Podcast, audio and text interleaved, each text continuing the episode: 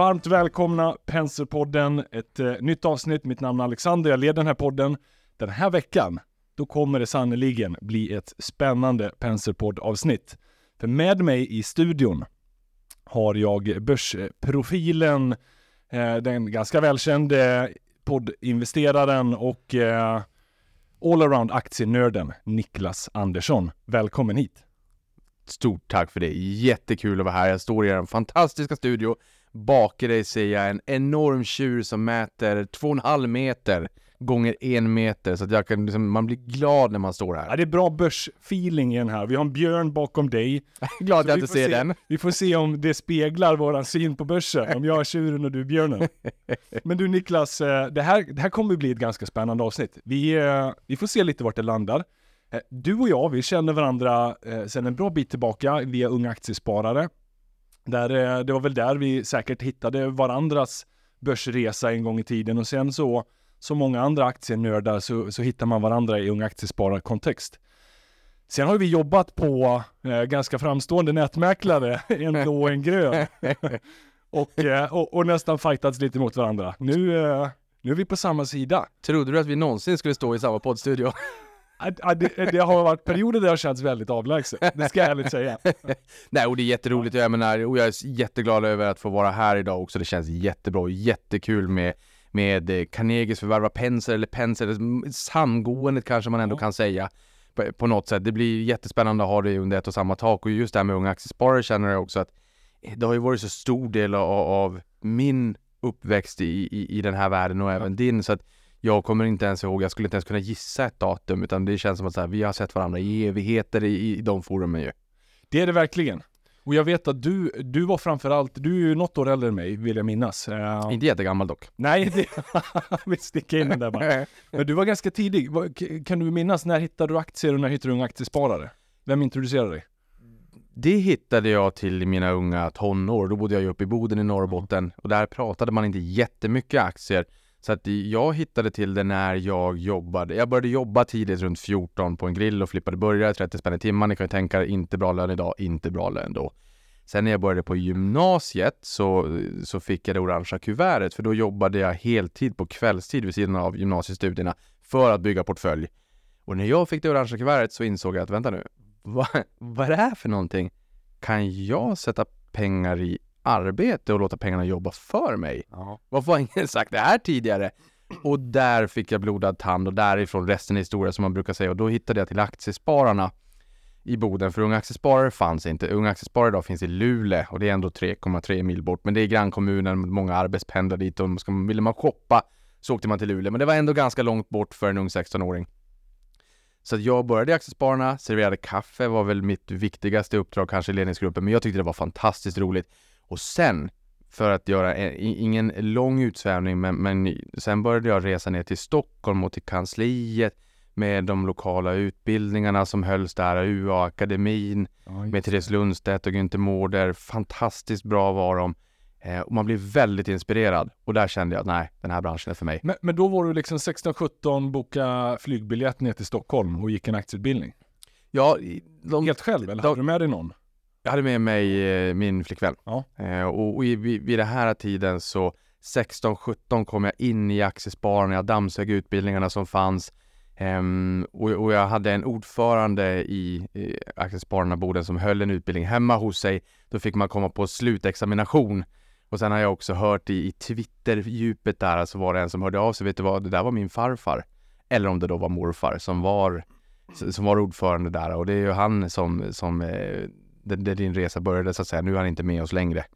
Ehm, Men när jag flyttade ner till Stockholm 2008, mitt under brinnande finanskris, för då för Avanza, och då hade jag ju redan hittat till Unga Aktiesparare, då anslöt jag mig till eh, Unga Aktiesparare, till en av ledningsgrupperna här nere då. Och där träffade jag vänner för livet. Ja just det, du, du, så du började jobba på Avanza tidigare och sen hoppade över till SEB något år vet jag och sen tillbaka till Avanza. Ja. Ja. Ja, för det här var ju brinnande finanskris. Ja. Lehman föll 15 september. Två veckor senare kom jag till Stockholm och sa Here I am! Ja. nu är jag här, jag vill in i branschen, jag tycker det här är busroligt, jättekul. Ehm, så därav, man stängde ner den avdelningen och bli- blev överflyttade till ett annat bolag som hette Insplanet i och med att dåvarande vd Niklas Storåker satt i styrelsen. Det var inte jätteroligt. Det var ingen, ingen kultur som, som tilltalade mig. Just kultur tycker jag är väldigt, Ja. väldigt, väldigt viktigt.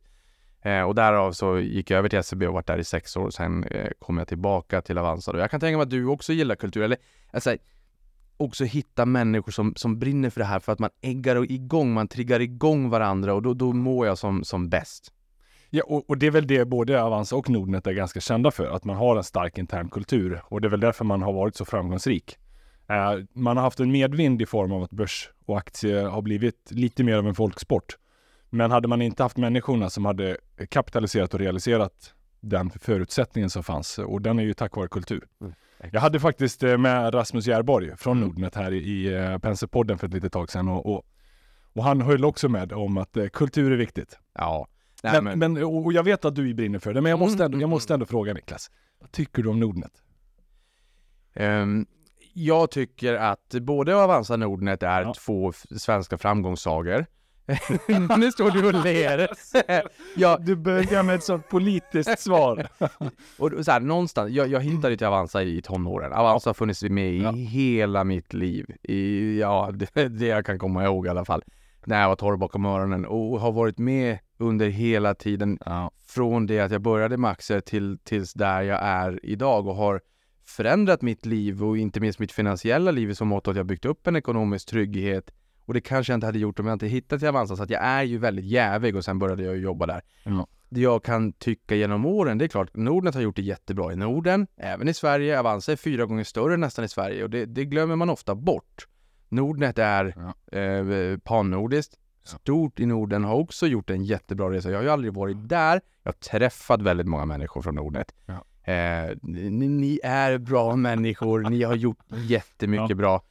Ehm, men, det är klart att så här, hornen växer ut lite grann. Ja. Eh, Och det kanske också har varit bra. Det är ju det någonstans som har gjort att både Avanza och Nordnet har sprungit väldigt fort framåt för att man ser knappt konkurrenterna i, backspegeln.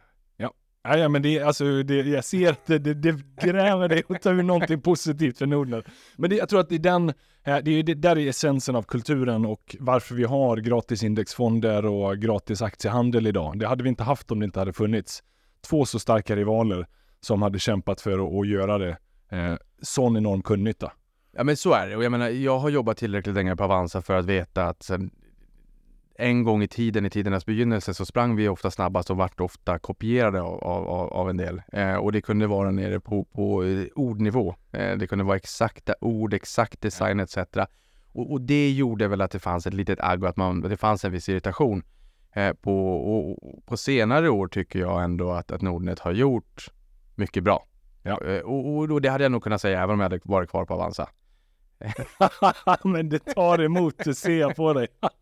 ja, ja. Men nåväl, eh, det är Nordnet Avanza. Du, och du var en, du var, nu är inte du kvar på Avanza, för nu har ju du gått vidare till Montrose och vi ska snacka om det alldeles strax och se vad du tar med dig från Avanza-tiden. Men jag tänker bara, eh, du var ju en sån, en, du, du stack ut hakan så mycket och var så eh, alltid i debatten. Det måste du tagit på dig nästan personligen, alltid vara så tillgänglig, alltid stå upp och försvara Avanza och tycka till. Får du lite mer rast och ro nu? För själen, tänker jag. Det är nästan sunt för dig om du skulle få lite mer balans i livet. Ja, alltså, nu, Du har ändå tre barn Niklas. jag har ändå tre barn Ja. och det tar tid, jag Ja. lovar dig. All tid försvinner. Nå, vi sa, sa ju upp oss i, i mitten på juni och Mm. fick ju tre månaders karantän så att där fick jag eh, ändå en, en, liksom en liten känsla för hur är det att inte jobba? Ja. Jag gillade det inte alls. Eh, och att vänta på att brevbäraren kommer på dagarna, eh, det är väl det, liksom dagens happening. Det är inte min grej. Jag älskar att jobba så. Sen köpte jag hus i månad tre då, så den sista månaden försvann väl ganska fort sådär. Ehm, Men, men balans i livet. Jag har alltid tyckt att det har varit väldigt roligt att vara ute i hetluften och vara ute i gräsrotsrören, sociala medier, prata börsen. Jag älskar det där. Det är mitt elixir. Jag behöver det. Jag menar nu ofta när, när familjen går och lägger sig, då får jag några timmar eh, på kvällskvisten och kunna liksom följa lite grann vad har hänt under dagen, Mm. trycka ut det jag tycker är intressant. Men tittar man nu när den här spelas in igår, dagen innan jag kom hit till, till den här inspelningen då, så satt jag uppe till ja, småtimmarna och sköt ut en massa tweets för att så här, det här är intressant, det här vill jag dela med mig av. Jag gillar det där. Det är mycket som händer Ja. hela tiden. Det är bolag som förvärvar varandra, det är bolag som ska komma in till börsen. Det är Microsoft som ska satsa på kärnkraft. Ja. Deras datacenter drar så mycket energi. Och det, det här att, att finnas i, mitt i bruset.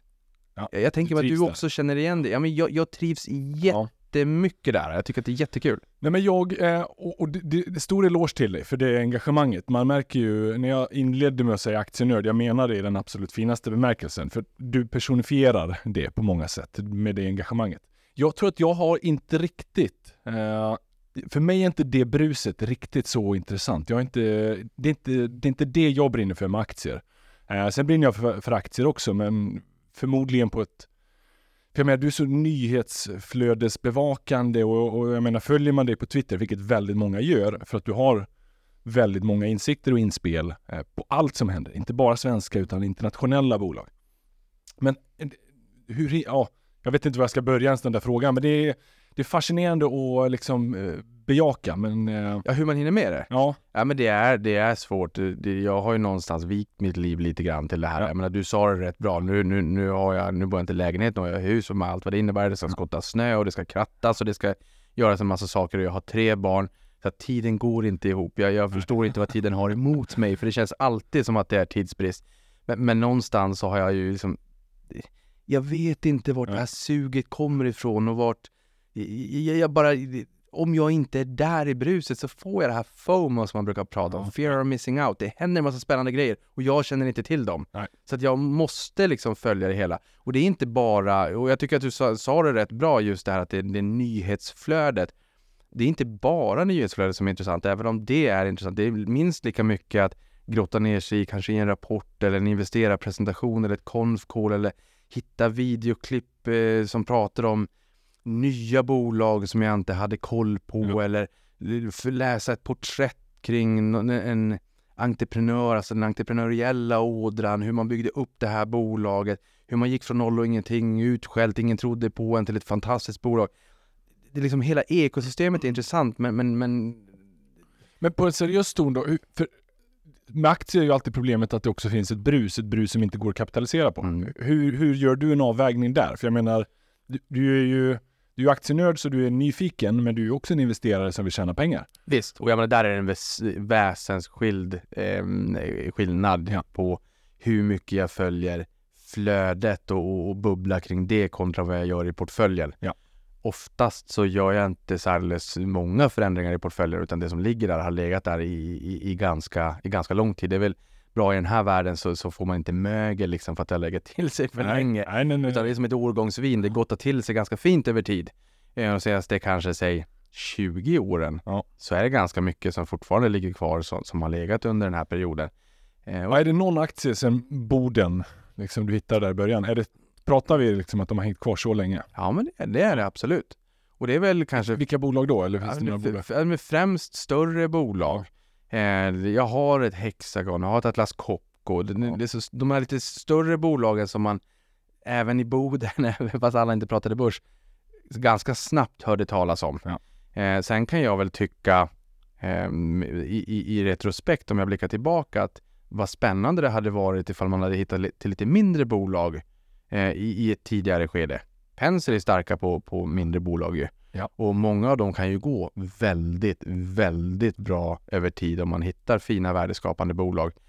Jag vet att Holdings någon gång har sagt att runt 750-850 miljoner, det kan vara ganska intressant för att där någonstans börjar institutionellt kapital intressera sig.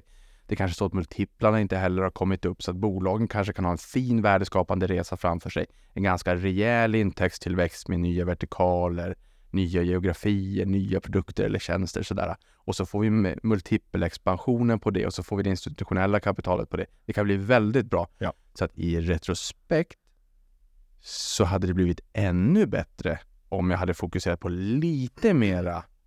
Men det är alltid lätt att vara efterklok. Det är alltid Men- lätt att vara efterklok. Men har, eh, för den, den är man ju nyfiken på, hur har strategin förändrat sig över de här åren? Sen, eh, sen du hittade till aktier, för man är ju konstant läromaskin, så att lite förfinar man ju sin process.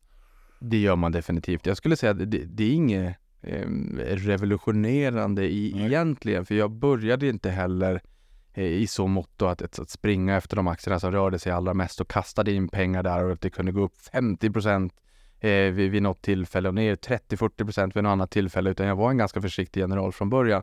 Så jag skulle nog säga att det har varit mer av en evolution än en revolution i portföljen. Ja. Ehm, men som du säger, ingen kan allting från början. Jag kommer aldrig lära mig allt. Jag brukar själv säga, klyschigt möjligtvis, att livet är som en schweizerost full av hål och fylla med kunskap.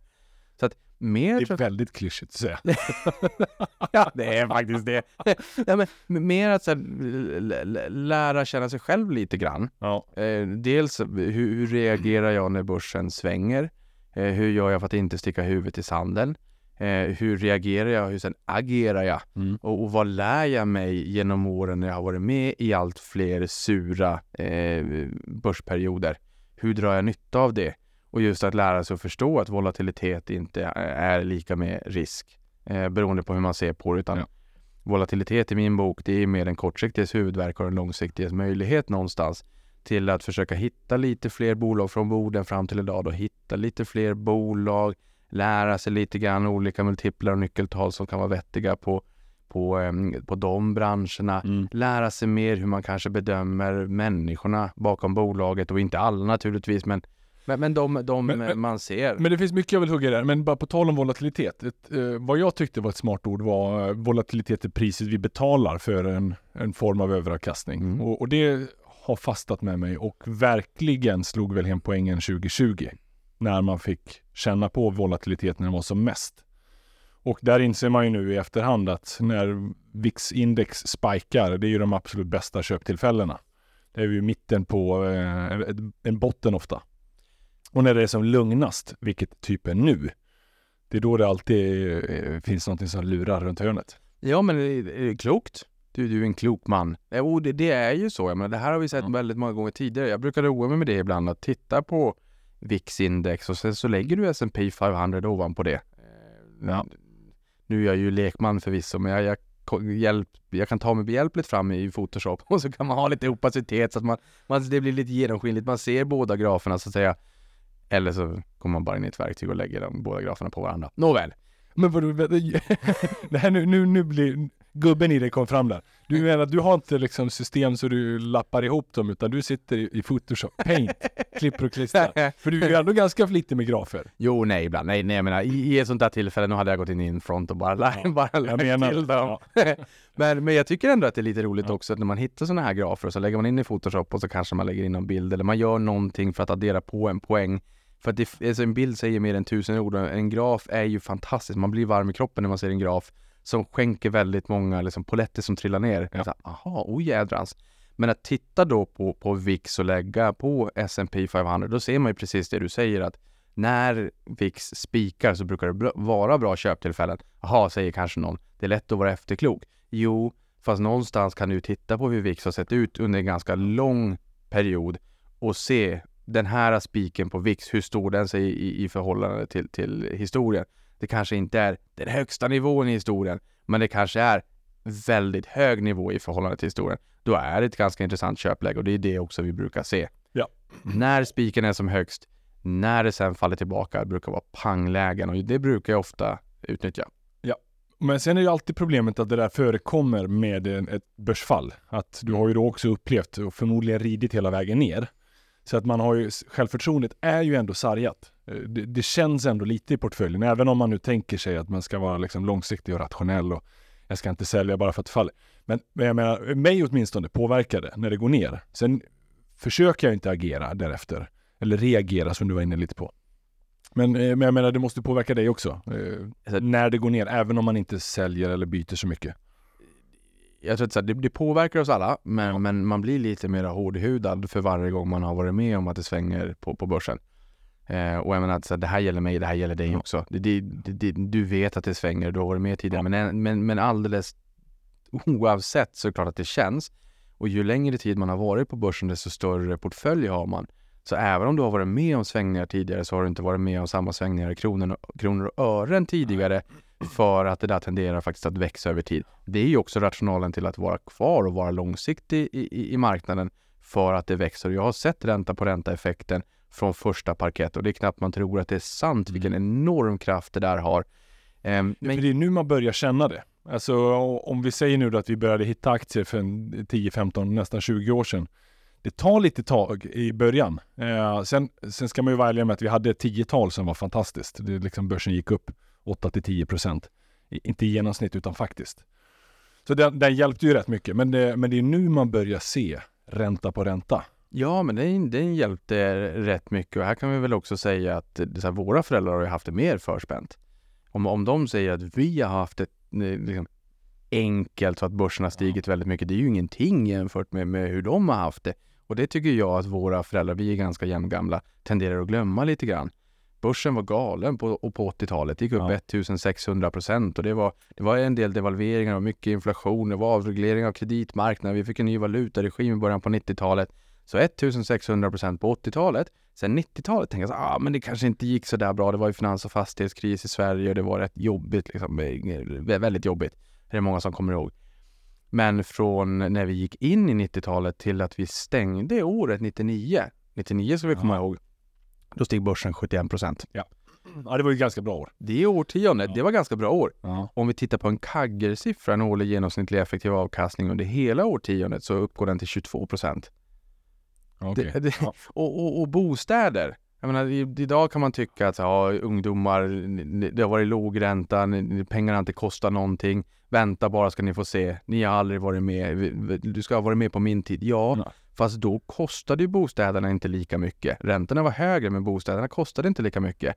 Eh, och man kanske kan minnas också vad, hur mycket betalade jag? Hur många gånger, vad hade jag för lön? Hur många gånger årsinkomsten betalade jag då? Idag i storstäderna får vi ofta betala väsentligt mer. Det Ja. får man också komma ihåg. Så att när räntorna föll tillbaka och fastighetsvärdena steg, aktiemarknaden var jättebra under den här perioden. Säg det till dina föräldrar nästa gång du träffar dem. Ja. Om de har pikat dig någon gång. Per, perfekt här nu i mellandagarna och pika föräldrarna lite. Men jag gillar när du pratar om i liksom decennietermer, för då, det kan vara ibland bra att ha det där, för då får man lite mer långsiktigt perspektiv och förstår att vi kommer att ha olika perioder. 10-talet var väldigt lugnt och stabilt. Vi hade konstant fallande räntor, vilket gjorde att börsen gav liksom en genomsnittlig avkastning varje år. Och sen nu har vi ett 20-tal här som har varit allt annat än stabilt och lugnt, utan vi har haft eh, pandemier och krig och diverse elände. Och jag- tror att det är sunt för en investerare att förvänta sig att eh, nästa period kommer inte vara liknande som den andra. Vi kan hitta liknande i, längre tillbaka kanske. Eh, men att man konstant ska vara beredd på att eh, världen är förändlig. Ja, och det kanske har varit mer stökigt de senaste åren än vad det har varit eh, de senaste årtiondena sammantaget.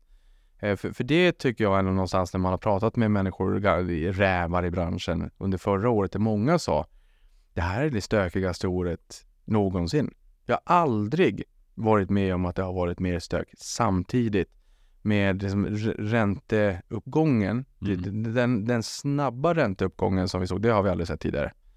Och, och då kan någon komma ihåg 500% ränta under fyra dagar i Sverige men med, med fast växelkurs. Men, men eh, 100 punkters höjning från Riksbanken 20 september i fjol, det var den största höjningen i modern tid. Vi hade aldrig någonsin sett en så stor höjning med, med flytande krona.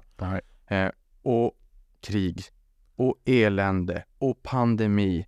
Ehm, så väldigt mycket som har hänt. A time to be alive. Ja, och det är så här försörjningskedjor och komponentbrist och det är ja, väldigt stökigt. Hur, hur approcherar du det då? Tar du det som... Eh, för det, kan, det finns ju alltid en risk med åldern, att man eh, liksom blir lite mer skeptisk och blickar tillbaka.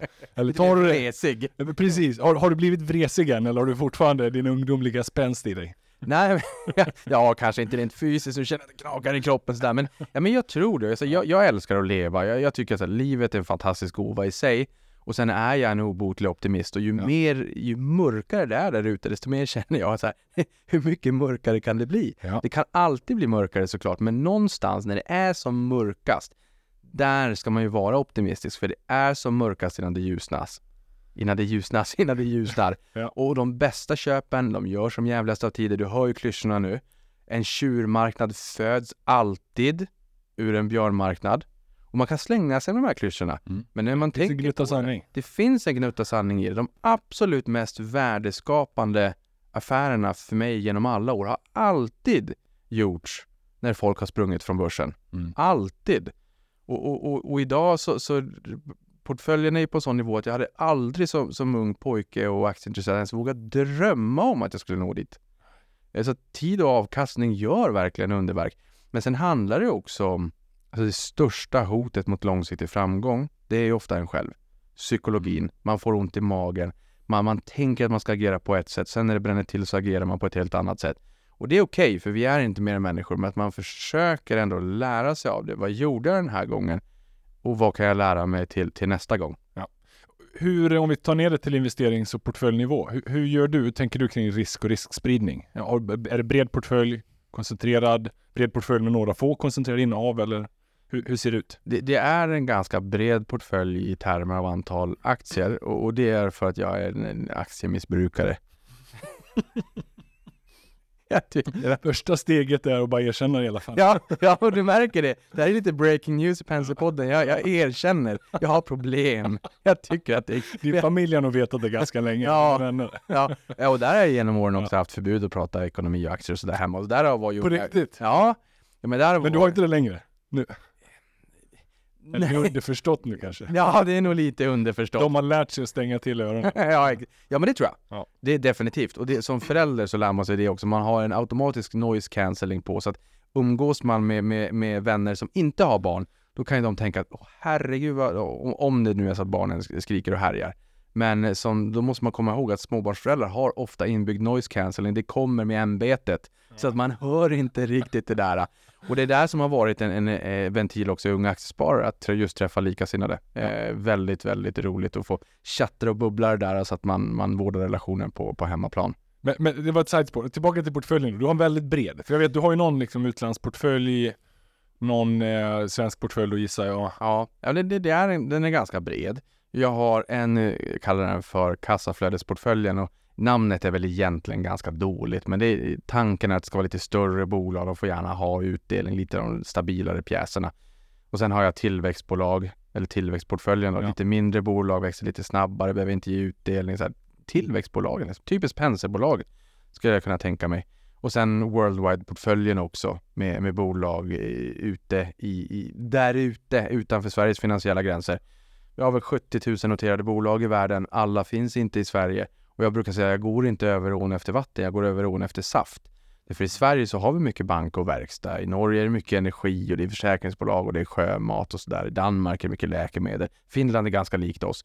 Det finns ju många spännande bolag utanför Sverige som inte är här. Och i, i, tidigare har det varit lite en rädsla hos folk att det känns lite läskigt att köpa utländska aktier.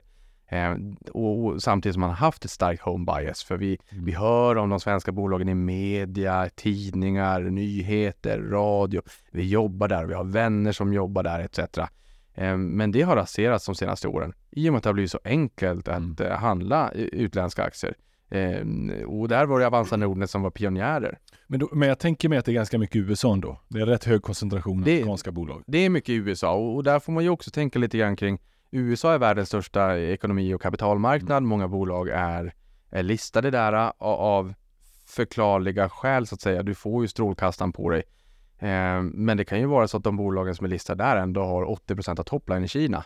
Eh, vad är egentligen skillnaden om det hade varit listat i Kina eller, eller i USA? Ja, du hade ju inte haft lika Valutan. många västerländska Nej. investerare. Valutan är en bit och du hade inte haft lika många västerländska investerare som hade kunnat investera heller. Nej. Så. Eh, men, jag tror att där är värt att, ha med sig. Det blir, det är väldigt mycket USA i, min portfölj. Jag har inte hört dig säga investmentbolagen. Dissekera min strategi. Du vet att jag gillar investmentbolag ganska mycket. Ja, men jag har en portfölj med Ja, du har en. Ja, men det gläder mig att höra. Jo, jag har en, en, eh, en gammal löneväxling, alltså ett, Ja. en en tjänstepension i form av löneväxling. Där jag tänkte så här, men jag lägger in allting i investmentbolag, så det har jag. Eh, och, och det här någonstans... Men den är gammal löneväxling säger du. Jag vill att den här ska vara den främsta strategin. Varför, jo, det, varför har du lagt den längst bak in i garderoben, där i den här lådan som ingen kollar i? ja, förutom jag kollar på den 50 gånger om dagen. Ja, okej. Nej, men, ja, men det är bra. Det, det är väl just att jag gillar att själv välja vilka Mm. bolag som ska vara i portföljen och medan ett investmentbolag blir ju lite grann som en bridgeblandning. Eh, nu ska jag väl säga att jag har aldrig köpt en bridgeblandning själv eftersom att den är en markör för ålder. Ja, men, du, men du och sneglar där ändå, hör jag. ja, men det finns någon Du går förbi där. varje år. varje någonstans i mellandagen och kolla på den där bridgeblandningen. Men, Det men så finns tänker någon- du, nej inte än. Inte i år. Nej. Det finns någon godis där i som, som jag tycker är lite god ändå, det stör mig lite grann. Men, men just det där att, att man inte får välja 100% det själv. Därför tycker jag att det är kul att, att eh, kunna välja ut bolagen i mina huvudportföljer själv. Men investmentbolag, jag har, jag har absolut ingenting emot dem. Jag tycker att det är fantastiskt. Jag menar, många gillar fonder. Investmentbolag är ju Bättre fond. är bättre fond. Ja. Det är för att du har ett tydligare, liksom, tydligare fokus, ofta kanske bättre förvaltning. Förvaltningskostnaden är lägre. Ofta rattas de här av, av eh, familjer, storägare som har ett väldigt gott track record. Ta bara Investor, familjen Wallenberg. Tänk vad många diskussioner som de får med om bakom lyckta dörrar där man får glida, glida räkmacka när, när det ska investeras i Sverige. Jag menar, staten och kapitalet sitter i samma båt och här är kapitalet Wallenbergarna. Ja. Eh, och då, det får man med på köpet. Jag menar, det är ganska, säg ett årtionde sedan unga aktiesparare var och besökte eh, Investor. De var där ganska ofta. Unga aktiesparare City var, var där ofta och var med ett antal gånger. Då frågade vi, men varför har man en premie eller en substansrabatt på 30 procent? På den tiden så var det ganska vanligt att det var substansrabatt och, och, och svaret var att ja, frågar ni mig så frågar jag er. Man visste inte riktigt. Sen gjorde man om de där måtten lite grann också och försökte få med de dolda värdena in- inom citationstecken nu i den onoterade portföljen. Så att nu har man ju två olika mått. Eh, och, och, och egentligen allt jämt sedan dess och i samband med att fokuset ökat på investmentbolag så, så är ju det ett minne blott. Och Spiltan aktiefond investmentbolag som är Ja. Jättepopulär. Ja. Och, och den har ju också gjort sitt ska man väl ändå säga. Ja, den har tajtat till så att rabatterna har gått över till premie Men du, kom, i väldigt stor utsträckning. men du kommer ihåg i augusti 2021 när medias strålkastare belyste investmentbolagen och de saftiga premievärderingarna? Ja. Och sen dess har det ju egentligen gått ner. Ja. Så att eh, investmentbolag har jag känt eh, har underpresterat eh, sen i princip där någonstans, mitten 2021. Ja, och det vill säga Men det är ju naturligt. Alltså man får komma ihåg, precis som alla aktier har en multipel expansion så är ju substans pendlingen i substansrabattpremie, den är ju liknande för då investmentbolagen som en multipel expansion kontraktion. Ja, och jag tycker att det där är en viktig påminnelse också. För, för jag kan tänka mig att i, ibland att vissa tycker att men, det, nu har det här investmentbolaget gått ner. Eh, Ja. var, var, varför arbetar de inte hårdare för att aktien ska gå upp? Och det är klart att det investmentbolagen kan göra det är ju att fokusera på substansvärdestillväxt. Ja. Sen är det ju marknaden som bedömer om det är premievärdering eller substansrabatt. Över tid om man är duktig så ska man väl kanske inte ha en större rabatt än sektorn i stort. Eh, såklart. Om man inte är duktigare än sektorn, då kanske man till och med kan ha en premie. Ja, visst. Och jag menar det här Men sen då, Creades där var ju uppe och dansade på 100% i premie ett tag och det, då började det bli ganska galet. Att allting skulle vara dubbelt så högt värderat som de har själv bokfört det. Det är inte så troligt. Även om det var goda dagar och tillväxt i onoterat så man ska ha med sig att marknaden, den kan som alltid och bekant bli ganska irrationell i båda riktningarna. Visst. Ja, och så är det. Och jag menar, det, det är ju bara att se på eh, Hagström för Avanza och se på Dinkelspiel för, för Nordnet i, i VNV Global. Där har det ju också varit en pulverisering i den aktien och det handlar ju mångt och mycket om att så väldigt mycket var högt värderat 2021. Man är lite orolig för pengarna och om, eh, och, och om man kan vara med och stötta de här bolagen i ganska i, i en ganska ung fas. Ja. Eh, ändå får man väl ändå säga. Nu, vi pratar VNV nu eller? Nu pratar vi VNV Ja. Global och VNV Global är väl kanske, jag vet inte om man, det, det, det, blir ju Kinnevik med en liten turbo. Ja, ja, verkligen. Eh, och, och, och, och, och det här blir ju liksom i andra ringhörnan då, att om Creades var, hade väldigt hög premievärdering och jag tror att Ja. till och med Sven var ute och sa att det här är inte rimligt. Jag tror till och med han sålde faktiskt Ja. med en jättesaftig premievärdering. och, och men VNV å andra sidan, det där blir ju också ett derivat på när, när tiderna blir bättre och räntan sjunker tillbaka och det blir lite enklare. Det handlar inte alltid om att bolaget har gjort fel, utan att marknaden, som, vissa saker hamnar i frysboxen ibland. Ja, marknaden överreagerar och det är men det, det är ju en sån sak som man som investerare behöver dels hantera men också kan kapitalisera på. Eh, att, Exakt, eh, det skapar lägen. det skapar lägen. Likt volatilitet och det här är ju en form av volatilitet Ja. vi ser. Och Kinnevik, som Kinnevik har ju lite större bolag som har kommit lite längre än kanske bolagen i VNV. De har ju haft ett visst eh, samägande i vissa bolag så. Men Kinnevik har ju också Tele2. Ja. En gång i tiden hade de Korsnäs, nu har de Tele2 som en kassako. Att där kommer ju faktiskt in utdelningar löpande under året, vilket kan vara ganska trevligt att få in lite pengar också. Ja. Och inte helt vara beroende av nya pengar Eh, för pengarna är ju oftast som dyrast och kanske svåra att få när det är riktigt surt där ute. Det är oftast då man behöver dem. Men sen har inte än så länge strategin. Kinnevik gjorde ju då en strategiförändring för några år sedan och den har ju än så länge inte riktigt bevisat sig, åtminstone i substansvärdestillväxt, utan de har haft en ganska kraftig utmaning. Ja men så är det ju verkligen och det är ju en del storägare Ja. som också har sagt att vi vill tillbaka till, till hur det en gång i tiden var. Så det är ju lite interna slitningar där kan jag, kan jag tänka mig också, eller, eller olika viljor i alla fall. Men, men som svar på din fråga, jag kan inte eh, jag har ingenting negativt att säga om investmentbolag. Jag tycker att det, det är en fantastisk företeelse som är ganska svensk också. Ja. För som jag förstod det, om vi går tillbaka till depressionen, eh, upprinnelsen 20-talet och sen 30-talet med kraschen eh, och det som hände därefter, det att många banker satt på väldigt mycket säkerheter eh, i form av aktier i många av de stora svenska säg industribolag. Eh, och det fick man ju inte riktigt göra, så det där satte man i egna bolag.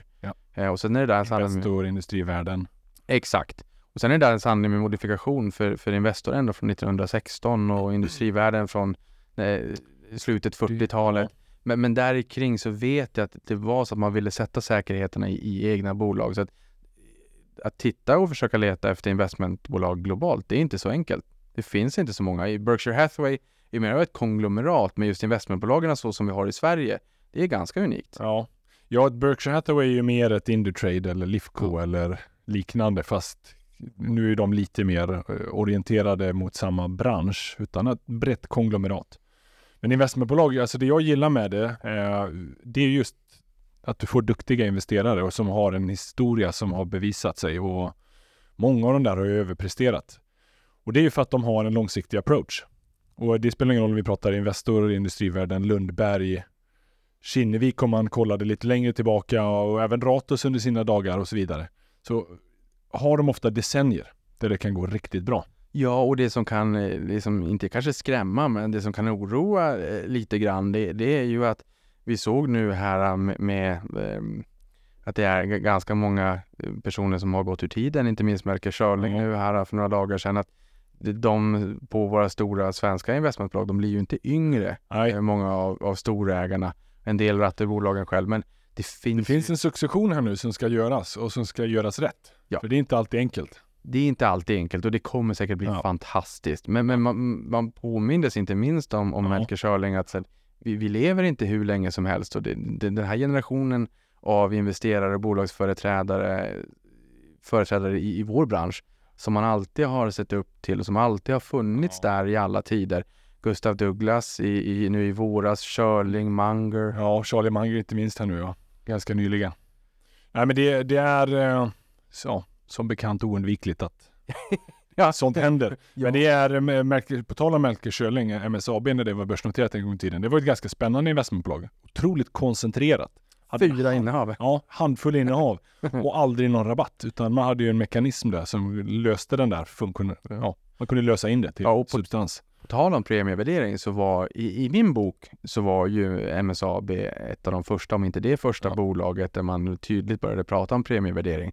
Jag har eh, liksom siffran 8 är tydligt på, på, på näthinnan för mig. Ja. Eh, när, när man seglade upp så här 8 premievärdering, vad är det här? Och det är fyra noterade innehav. Ja, Men, men, men just där också att, ja du, och då var det ganska otänkbart ja. Nu pratar vi om så här 2014, 15, Mm. 16 någonstans där.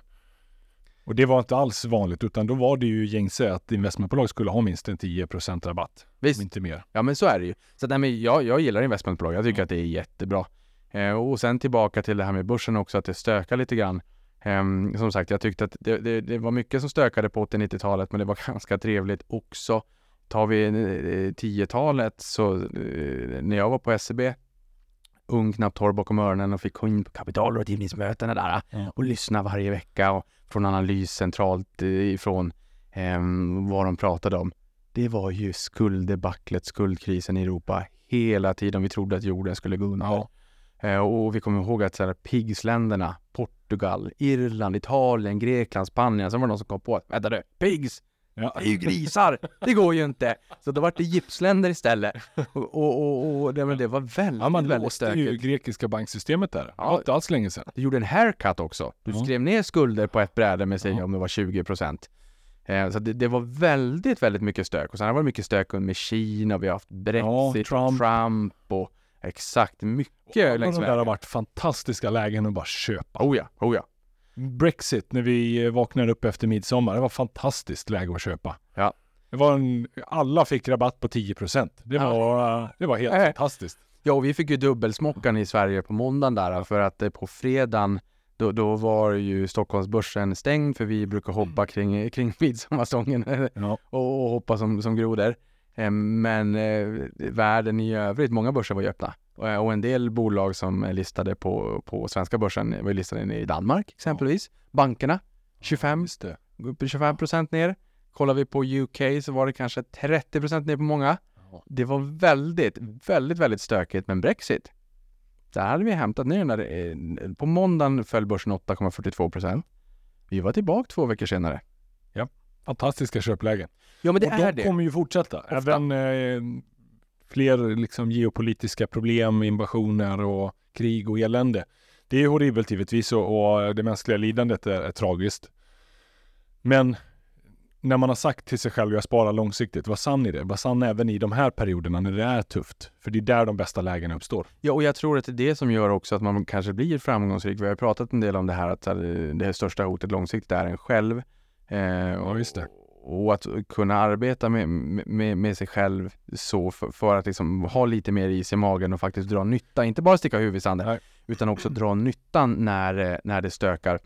Och hur jobbar du med dig själv? Vilka egenskaper önskar att du var vassare på? Som hade hjälpt dig som investerare? Ja. Var lite självrannsakande här. Nej, men jag, jag, jag kan önska i alla fall att jag hade gjort min hemläxa i större utsträckning och haft en shortlist när det bränner till. Ja. Ehm, för ofta så står man där och säger okej, men nu går det ner mycket. Ehm, Och så vad, ska man jag köpa man då? har i portföljen, men man kollar inte alternativen. Opportunity cost, den ska man alltid ha med sig. Ja, verkligen. Väldigt ofta så. Ja. Jag har inga problem med att köpa mer när, när det faller. Eh, alls. Jag har aldrig haft. Så menar, nu, nu såg jag, nu kommer jag snart lämna Avanza eh, för Montrose naturligtvis. Eh, och, och där, jag hade någon, en billig variant av Avanza. Det fanns en billig variant av Nordnet också en gång i tiden när det begav sig. Ja, det. budgetsidor. Eh, så att jag har inte med hela eh, historiken tillbaka alla år. Men, men där är det ändå eh, 24 gånger pengarna på den här perioden. Eh, och, och mångt av mycket, alltså 2400 procent. Mångt och mycket, det är ju för att de pengar som jag har sysselsatt Ja. när det har bränt till. Jag har, tror jag aldrig har köpt så mycket som jag gjorde under coronakraschen. Och då var börsen ner 33,81 procent på 18 handelsdagar. Ja. Eh, det var inte roligt. Det var inte roligt att se portföljen Nej. pulveriseras, men till slut så insåg eller så kände många nollor som försvann. det var väldigt många nollor som försvann. Och det, så här, det, det var ju miljonbelopp, det var ju flera, många miljoner. Eh, och, och som liten pojk tänkte jag att tänk om man hade kunnat spara ihop till en miljon någon gång i Ja. framtiden. Det var en lite kittlande tanke, tänkte jag, men det kanske går. Både du och jag vet att Ja. det går. Absolut. Tid och avkastning gör underverk. Även om man förstår logiken bakom det så är det svårt att förstå det när man ser det i portföljen för att det känns overkligt. Och har man fötterna på jorden så kommer man alltid, tror jag, jämföra utvecklingen i portföljen med utvecklingen. Så här, vad, vad, vad har jag för lön? Vad får jag in för pengar på kontot varje månad? Vad har jag för kostnader varje månad? Vad skulle jag kunna göra för den här slanten? Eh, och det sätter perspektiv. Och, och jag har fortfarande svårt. Jag försöker unna mig att gå ut och käka lunch på dagarna. För säga, ah, 150 spänn! Ja. Men det kan ju vara så att det går upp.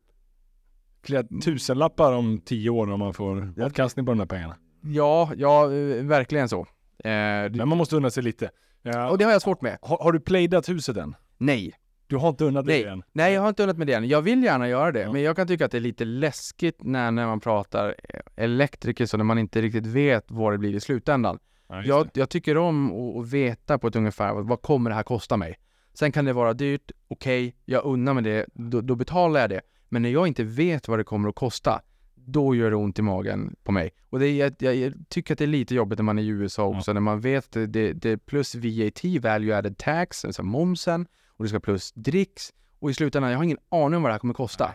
Eh, jag vet, tycker du att det är lika jobbigt? Jo, jo, gud ja, men det är ju väldigt svenskt av oss. Det är därför vi inte, liksom, allting är redan på priset man vet, eh, man, man, man, man gillar ju den här förutsägbarheten, absolut. Ja.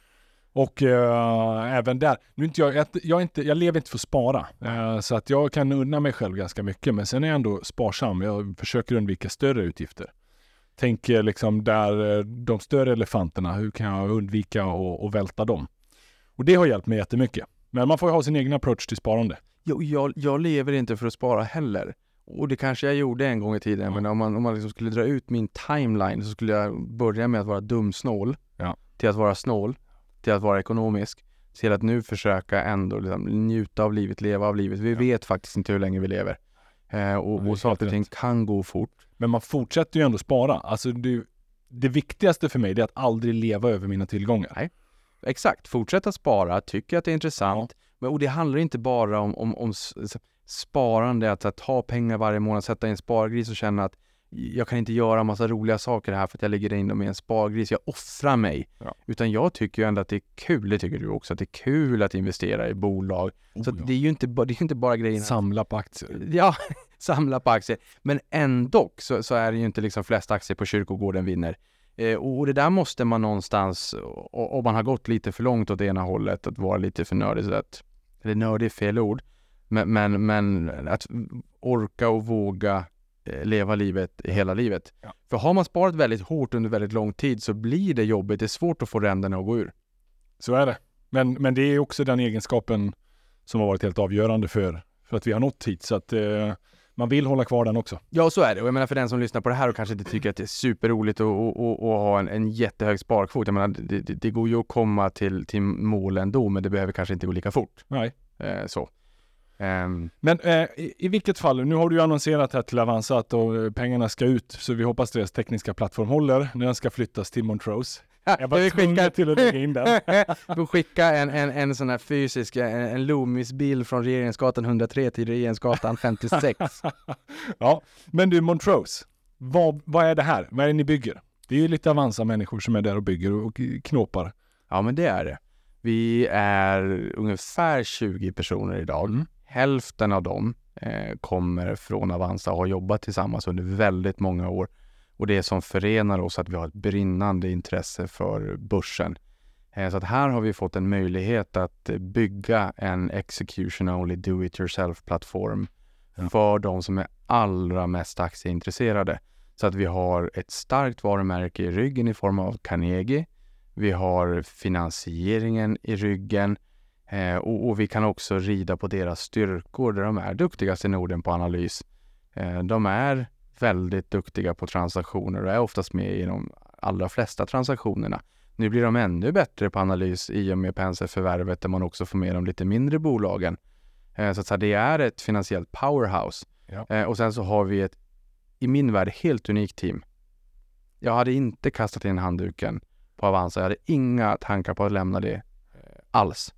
Det Eh, har varit för de här om det inte hade varit, om det inte hade varit för de här människorna, om det inte hade varit för kulturen. Jag har sagt det för det spekuleras lite på Twitter om jag gjorde för lönekuvertet. Jag gick ner i lön, jag gick väsentligt ner i lön om man räknar med motbudet jag fick. Eh, det här handlar bara om människorna. Jag eh, brukar säga att jag tycker att företagskultur är väldigt viktigt. Mm. Eh, och och jag, jag gör det. Jag börjar bli så gammal gubbe. Så här, jag, jag vill växa upp med de här människorna. Jag vill ha de här människorna runt omkring mig. Jag, jag älskar dem. Jag tycker att det är så förbaskat kul att få bygga någonting tillsammans och på ålderns höst på ljugarbänken titta tillbaka och skratta. Vi, vi gjorde det här men inte det här. Och hur fasiken tänkte du? Varför gjorde vi inte så här? Eller vad bra att vi drog iväg det där mejlet eller gjorde det där telefonsamtalet och fick den här pangaffären. För just nu så känns det som att allting är möjligt. Världen ligger för våra fötter fram till att vi får första leverantörsfakturan. Men vi har idéer, vi har visioner, vi vet vad vi vill göra, vi har gjort det tidigare. Det är ett seniort team som har varit med på Avanza från 400-500 000 kunder upp till 2 miljoner kunder. En framgångssaga. En del av dem väldigt bra människor även varit på Nordnet ska tilläggas. Eh, det är på tal om vad vi pratade om i början, jag tycker att även eh, Avanza Nordnet är fantastiska människor både och. Eh, Men det som vi pratar om, hornen växer ut, det är bara så. Det är därför mm, båda byggena har tagit sig dit de är idag, för att människor Ja. gillar att kampera och tävla. Men det här är ju, alltså det Montrose, det kommer bli otroligt spännande att följa, för det är ett gäng aktienördar och ni är nästan eh, som i en egen godisbutik där och bara plocka fritt vad ni vill bygga för någonting. Vi är i en egen godisbutik. Vi plockar fritt vad vi vill bygga. Vi hade inte kunnat, tror jag, få det här prioriterat i, i en annan kontext. Därför att båda de två stora jättarna har blivit väldigt stora, har jättemycket kunder. Det blir ganska logiskt att försöka ta en större del av plånboken, att bredda till fler kunder, få in nybörjare och jag tycker det är fantastiskt.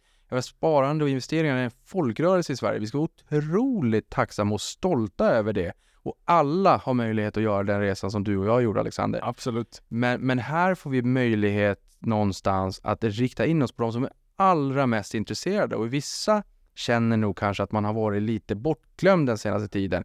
Vi vet vad folk vill ha. Och att små detaljer, the devil is in the details. Vi har jättemycket det på små detaljer som vi vet att vi vill ha. Vi är den perfekta målgruppen och vad våra framtida kunder vill ha. Och vi kan också exekvera på det. Därför att vi, vi, har, vi har inga vinster att vårda, skydda, vi har inga intäkter att skydda sådär, inga intäkter alls än. Utan vi kan fokusera på det vi vet gör en väldigt, väldigt, väldigt tajt upplevelse. Och det ligger nog ganska nära till hands också att tänka sig att det kommer finnas inslag av analys och inslag av transaktioner och transaktionsmarknader i och med att det är de områdena som Carnegie är urstark på. Um, så att det, Vad tycker du? Ska Avanza och Nordnet vara lite nervösa? Avanza och Nordnet, eh, de ska, ja men jag tror att det är sunt att vara lite nervösa. Vi, vi har gjort det här tidigare. Vi, vi, vet vad vi vill, vi vet vad kunderna vill ha, vi vet hur man gör det här. Vi har relationerna, vi springer fort framåt. Som sagt, det är bara dagar kvar tills jag själv blir kund och vi har hållit på i tre månader. Ja.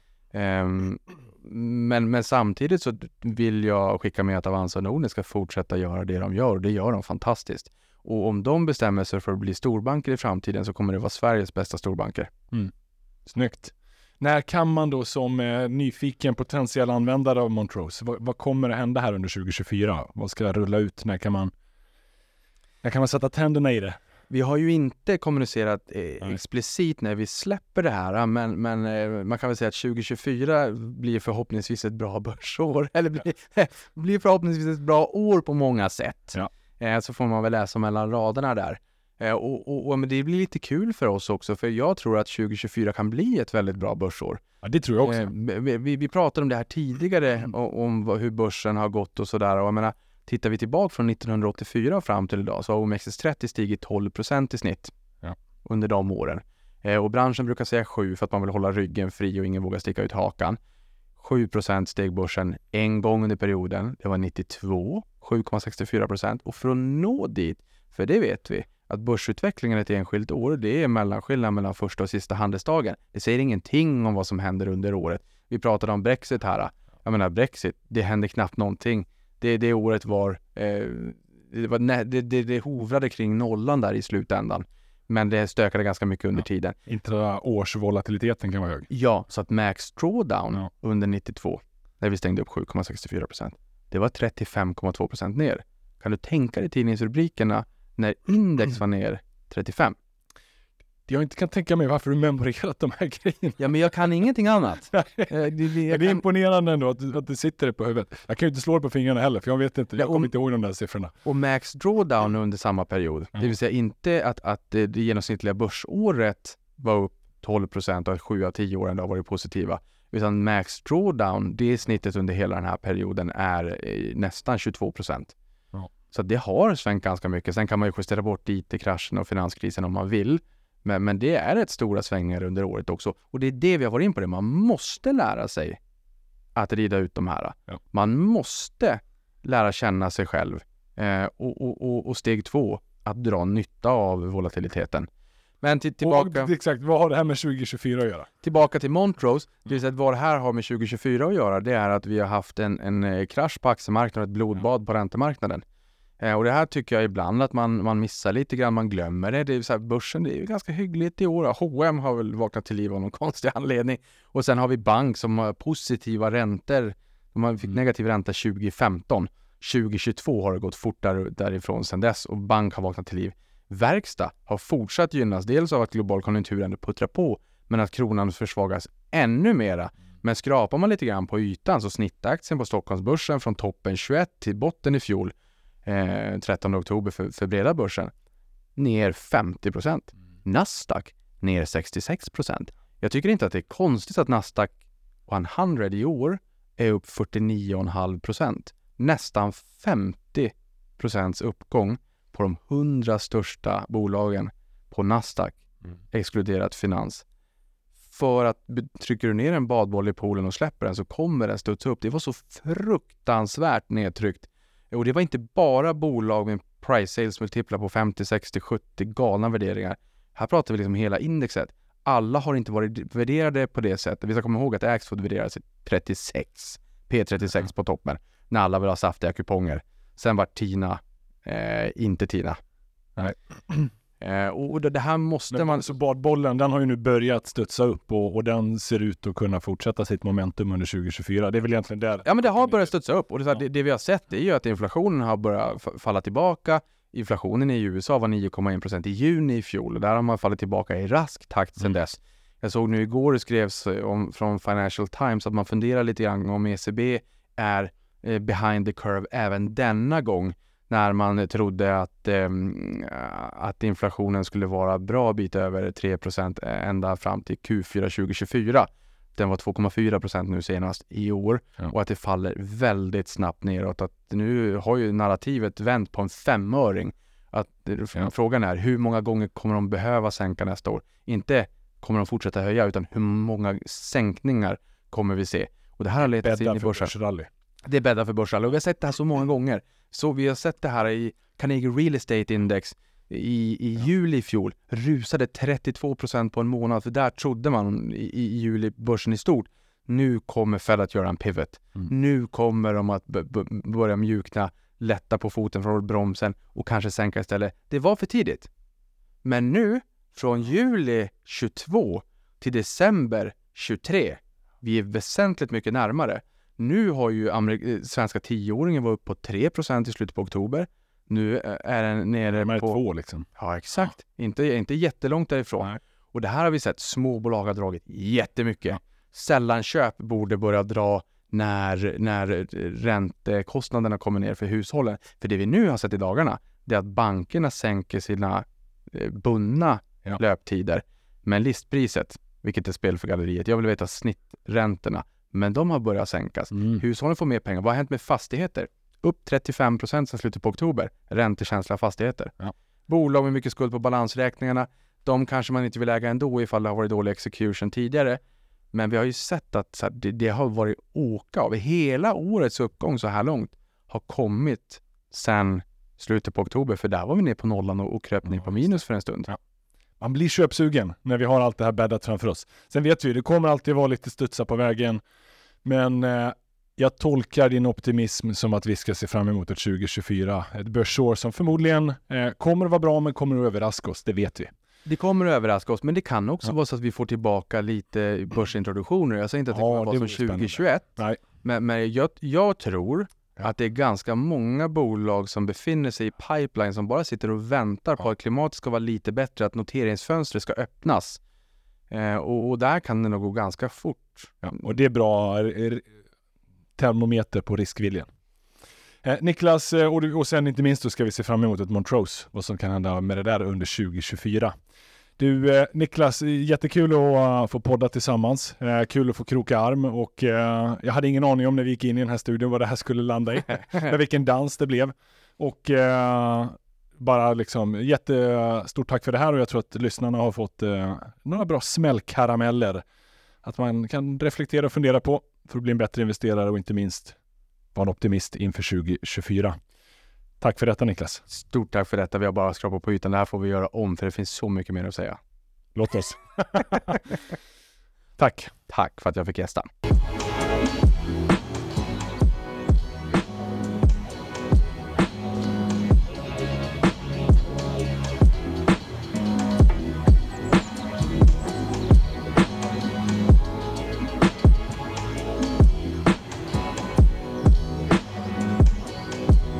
Denna podcast är utgiven av Erik Penser Bank och är avsedd att marknadsföra bankens tjänster.